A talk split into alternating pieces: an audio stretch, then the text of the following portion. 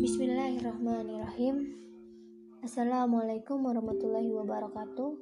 Dunia saat ini sedang menghadapi pandemi COVID-19 yang keberadaannya sangat menggemparkan sekaligus menakutkan bagi seluruh manusia di berbagai belahan dunia. Maka peran pemuda saat ini sangatlah dibutuhkan karena memiliki jiwa penggerak yang sangat besar, penuh semangat, optimis, dan percaya diri. Lantas, kenapa pemuda?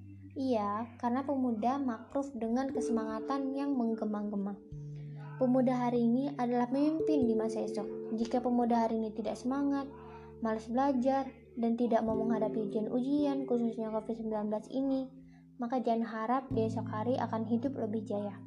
Kalian jangan malas belajar, jangan malas juga berjuang, karena kalianlah penentu masa depan. Dan lantas apa yang dilakukan pemuda Islam dalam membangun semangat keislamannya dalam masa pandemi ini? Pertama, kesemangatan dan ikatan kita kepada Allah Subhanahu wa taala harus lebih ditingkatkan lagi. Kedua, gunakanlah sosial media sebagai alat pembelajaran, media motivasi, media berekonomi, dan berinovasi Islami dan bisa juga dengan mendengarkan kajian-kajian Islami via online untuk menambah keimanan kita. Kekhawatiran akan generasi yang lemah itu sudah disinggung dalam Al-Quran Surah An-Nisa ayat 9. Wal durriyatan alaihim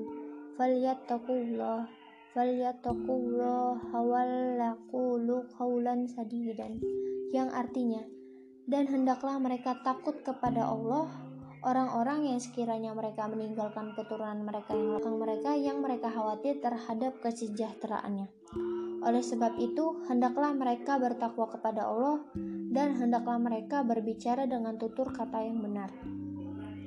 Manusia harus khawatir meninggalkan keturunan mereka yang lemah. Secara tersurat, ayat itu mengingatkan kita untuk tidak meninggalkan generasi yang tidak ada biaya ekonomi kehidupan Begitu kutipan tafsir Ibnu Abbas. Namun secara tersirat bukan cuma dari segi ekonomi, tapi juga pendidikan serta moralitas pemuda sebagai generasi yang kuat dan tangguh. Sekian doa saya untuk kalian semua. Semoga kita terjauhkan dari hal-hal buruk dan selalu didekatkan kepada kebaikan.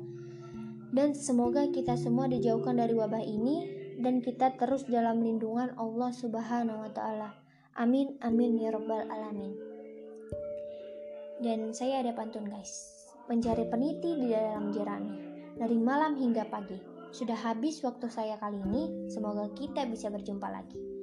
Jalan-jalan ke Jati Asih dari pagi hingga petang. Kami sangat berterima kasih kepada Ibu Bap, kepada kalian semua yang sedang mendengarkan pocket posket.